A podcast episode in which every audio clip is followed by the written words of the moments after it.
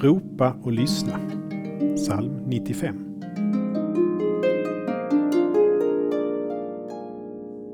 Om ni ändå ville lyssna till honom idag, förhärda er inte som vid Meriva, som den gången vid Massa i öknen.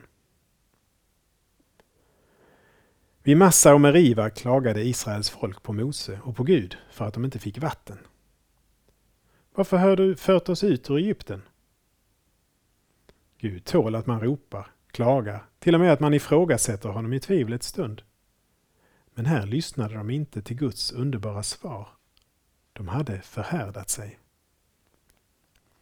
Folket hade just fått mat genom en slags fåglar, vaktlar i stor mängd, och en slags säd, manna. Och ändå klagade de, ändå ifrågasatte de Guds närvaro. Vi får lov att ropa ut vår förtvivlan. Vi får ge röst åt våra tvivel. Men vi får inte ropa så mycket att vi missar Guds svar. Lyssna till honom idag. Vi ber. Tack Gud att vi får ropa till dig i livets alla situationer. Låt oss bara inte ropa så att vi inte hör ditt svar. Amen. Saltarklanger med Per Runesson producerad av Norea Sverige